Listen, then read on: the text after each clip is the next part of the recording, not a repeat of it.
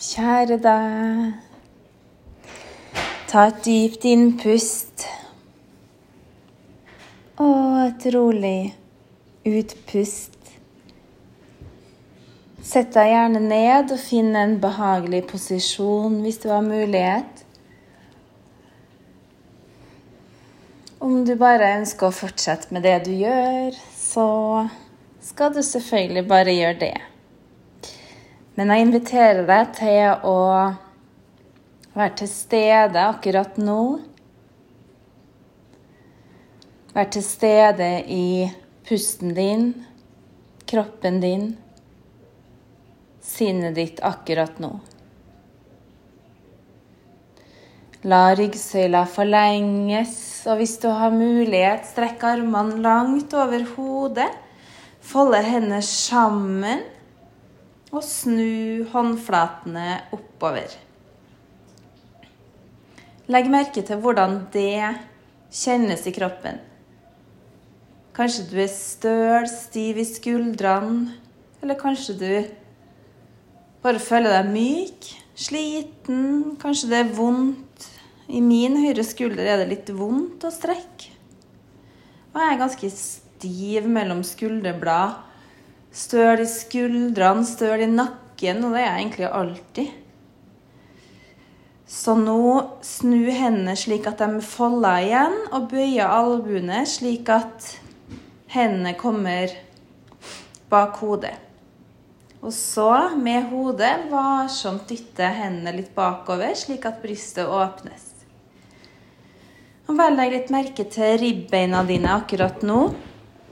Sannsynligvis så blir de pressa litt sånn ut, og kanskje du har får lyst til å skyve hodet enda mer bakover, slik at ryggen svaies. Det kan du gjøre hvis det kjennes ok, og egentlig hvis du sitter på en stol òg, så er det fint å gjøre det her. Jeg sitter på stol akkurat nå. Så gjør litt bevegelser fra side til side. Så du gjør en liten vridning, en mini-ryggvri. Så flytter blikket mot høyre, slik at armene blir med. Hofta i ro. Og flytter blikket mot venstre. Og overkroppen blir med hofta i ro. Gjerne ha føttene ned på gulvet hvis du sitter på en stol. Hvis du sitter på bakken med bena i kryss, så er det fint. Til og med hvis du går og har mulighet, så kan du gjerne eller om du står, så kan du gjerne gjøre denne øvelsen. Og vri fra side til side. Så legg litt merke til hvordan ryggen, hvordan ryggsøyla føles. Til meg så blir den varm. Jeg kjenner at det vekker magen. At det dannes varme i magen. Jeg elsker jo vridninger. Syns det er helt fantastisk. Altså ikke bare føles det bra, men det stimulerer fordøyelsen også. Å, det er nydelig. Og nå bare slipp opp hendene litt slik at du bare har fingrene fletta sammen bak hodet. Eh, den posisjonen som man alltid gjorde eh, til situps før, den litt gammeldagse situpsen hvor bare hendene er fletta og bakhodet hviler i håndflatene. Så om du sitter, står eller hva du gjør, skal du si, så skal vi gjøre en ny øvelse. Først ryggen rett, og så puster du inn. Når du puster ut, så la høyre albu få gå nedover, akkurat som du bare krøller sammen huden i høyre midje. Ok? Og pust inn, kom opp igjen til midten, og pust ut. Venstre albu går i retning gulvet. Den kommer ikke til å peke helt ned mot gulvet, sannsynligvis. Men her så krølles huden i venstre midje sammen, og høyre midje strekkes ut. Innpust opp igjen, og utpust mot høyre. Trekk gjerne navlen lett inn. Pust inn Kom opp og ut, pust venstre. Trekke magen inn. Innpust kom til midten, og utpust høyre. Puste inn, kom opp og utpuste venstre. Og det er nydelig. Pust inn, kom opp. Så strekk opp hendene igjen. Snu håndflatene opp, og så slipp hendene løs fra hverandre. Mens du har hendene i været, rulle med håndledd. Først den ene veien, og så i motsatt retning. Pust inn for lenge en gang til, og utpust. La hendene strekkes skikkelig godt ut til sida. Sakte hele veien ned. Du kan legge dem i fanget. Eller om du ønsker å legge dem på magen, hjertet. Det som er behagelig for deg. Dagens episode den skal handle om forfengelighet og Beklager. Um, jeg tror det må bli del én og del to, fordi her er det jo mye å ta av. Det er i hvert fall sikkert. Så før jeg går videre, så sitt gjerne litt med øynene lukka. Og ta noen dype pust inn gjennom nesa, og puste ut gjennom nesa. Så legg merke til hvordan energien i kroppen er nå, sammenligna med hvordan den var før du gjorde de øvelsene. Hvordan kjennes kroppen? Hvordan er det å være i kroppen din akkurat nå? Er det et behagelig sted, eller ikke så behagelig? Har ikke du tenkt så mye over det, for at kroppen har alltid vært en del av det? Kanskje det er slik? Men bare legg litt merke til hvordan det er å være i din kropp. Hvordan det er å kjenne din pust.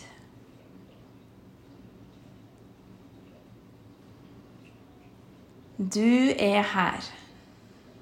Du har rett til å ta din plass. Du har rett til å ta din plass i livet. I ditt eget liv og i andres liv. Du er her akkurat nå. Løfte hjertet litt opp, forlenge nakken. Toppen av hodet skyves opp mot himmelen.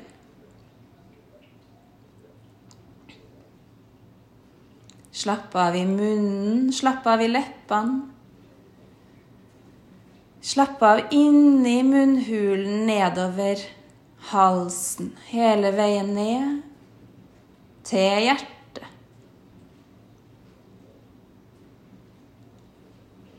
La magen nå bare få slappe av, så slipp magen litt ut. Det er så ofte at vi går og trekker inn magen for å se flott ut. I hvert fall gjør jeg det. Men nå bare la han slippe ut. Det er Åh, det er så befriende. Det er så deilig å bare slippe ut magen og gi blanke i hvordan det ser ut. Pass på at du ikke synker helt sammen i skuldrene, men løft opp hjertet. Fortsatt.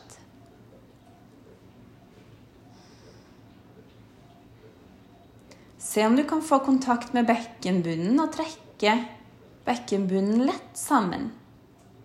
Som et lite oppløft energimessig. Får du til å la bekkenbunnen være sammentrekt, men å slappe av i magen samtidig? Det kan faktisk være litt vanskelig, for det går litt over i hverandre, syns jeg. Når man holder bekkenbunnen sammentrekt, det kaller vi noe i yoga. Det heter mola banda. Banda er en slags energilås. Eller en energidirigerer Eller nei, dirigent, mener jeg. Energidirigent som sender energien i riktig retning.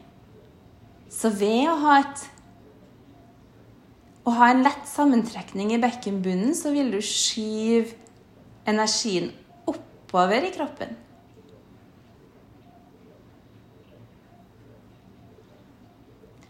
Så kan du slappe av i bekkenbunnen, og nå trekke inn navlen lett. Og prøv bare å slappe av i bekkenbunnen. Det kan også være litt vanskelig å um, trekke inn bare magen. Og et lite sånn oppoverfølelse her, altså magen litt inn og opp. Og Du trenger ikke å presse inn kjempehardt, men akkurat så magen bare suges inn innifra. I yoga så heter det Uddiyana Banda. Ok, Så vi har Mola Banda nederst i bekkenbunnen. Uddiyana Banda i magen. Så de bandene er veldig fine å holde samtidig. Men Så det kan ofte komme av seg sjøl når du har øvd mye på det. Jeg har jobba med bandas i Tja, første gang var vel i 1995, så det er jo lenge siden. Men i senere Eller etter det, da, i hvert fall fra 2002, så har jeg jo praktisert yoga daglig. Og det her bandas brukes i ashtanga-yoga. Det er en type yoga som jeg har praktisert mye. Og for meg Jeg elsker å holde bandas. For det jeg føler at jeg får et sånt oppløft, et sånn energimessig zopp, oppløft. Det er helt fantastisk. Og jeg har gjort det såpass mye at jeg automatisk aktiverer mine bandas når jeg trener også, og ofte ellers. Så derfor er det så utrolig fint å bare flytte bevisstheten til å av og til slappe av i dem. Så det der med mola banda, det er litt som sånne knipeøvelser som man blir bedt om å gjøre, altså som kvinne spesielt, men det er bra for menn òg. Men særlig oss, hvis man har født, så kan det bli ganske slappe muskler nedentil. Det kan bli det. Jeg husker at mine var ikke det, for at jeg hadde trent dem så mye at jordmora når hun skulle sjekke da, sånn innvendig sjekk, så hun bare Oi, herregud. Det var liksom aktivert igjen med en gang etter fødsel. Det var liksom ikke noe forskjell. Jeg fant min mola banda med en gang, altså sammentrekning. Men det var nok litt også For at det sies så at til ashtanga-dama, da, som jeg var da, så kan også den åpningsprosessen med eh, før fødsel det kan ta litt tid for livmortappen å få åpna seg. Fordi det å jobbe med mola banda, da, den sammentrekninga, så er det en sånn slags sammentrekning av livmortappen også. Og da, da, er den ganske stram. Og jeg husker jo veldig godt det med min første fødsel, så var det altså Det tok kjempelang tid før jeg fikk myka opp livmortappen og hadde, hadde åpning. Eh, eller at jeg var i aktiv fødsel. I hvert fall. Det tok ganske lang tid. Og jeg blir ikke overraska om det har en sammenheng med min ashtanga-praksis og det at jeg har gjort så mye mola banda. Men igjen, kjempebra. Veldig glad i bandas.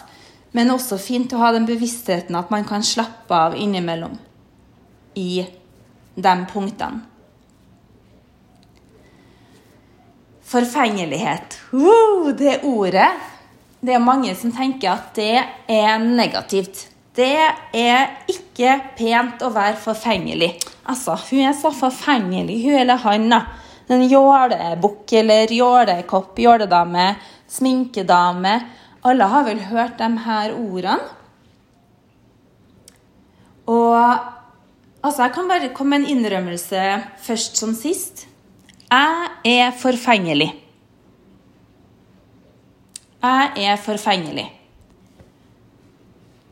Og det lever jeg godt med. Det må jeg bare si, altså.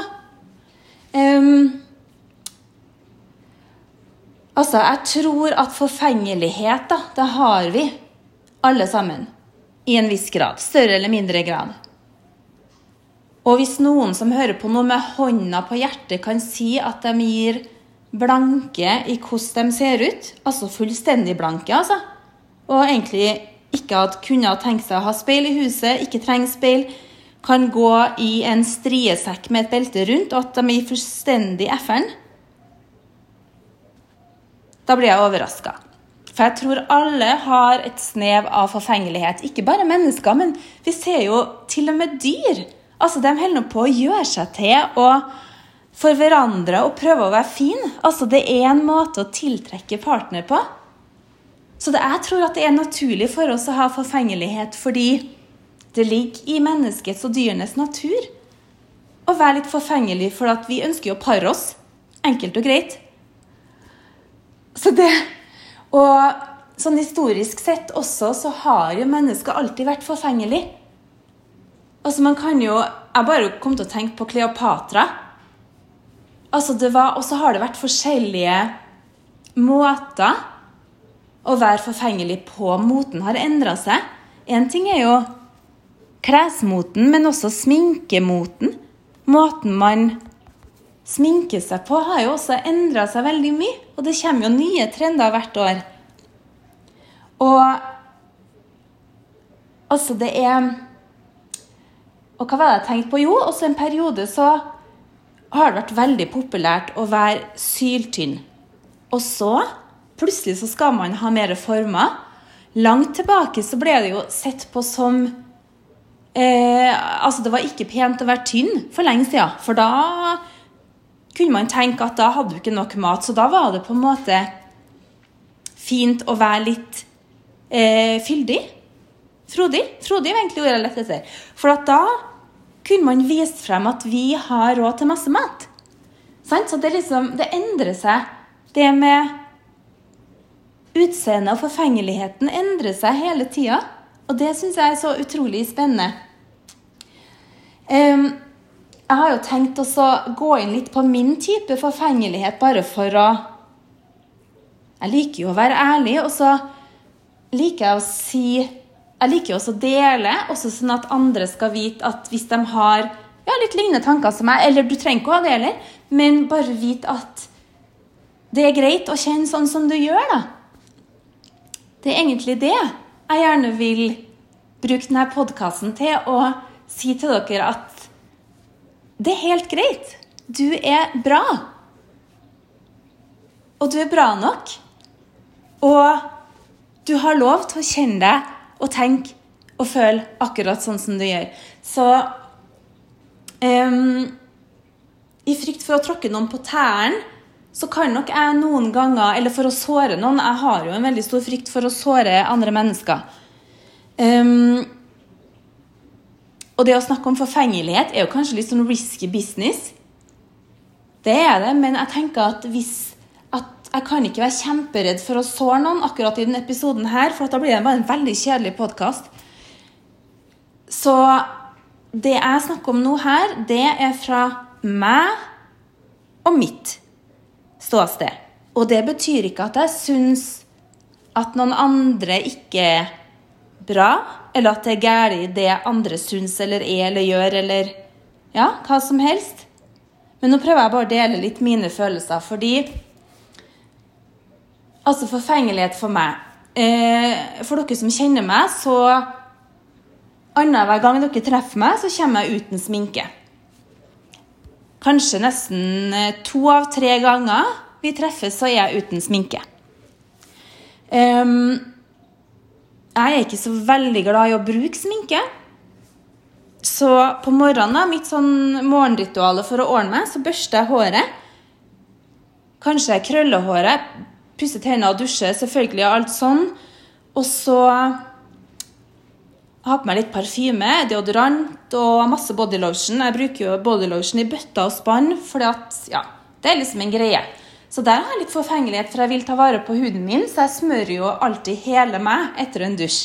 Og det har jeg gjort i mange år, så at dere kan tro det går litervis med bodylotion her i huset. Og jeg er også opptatt av å smøre beina mine med fotkrem, fordi jeg er opptatt av å ha pene føtter. Og også ansiktet smører jeg bare med fuktighetskrem, kanskje litt sånn øyekrem. Og da er jeg egentlig good to go.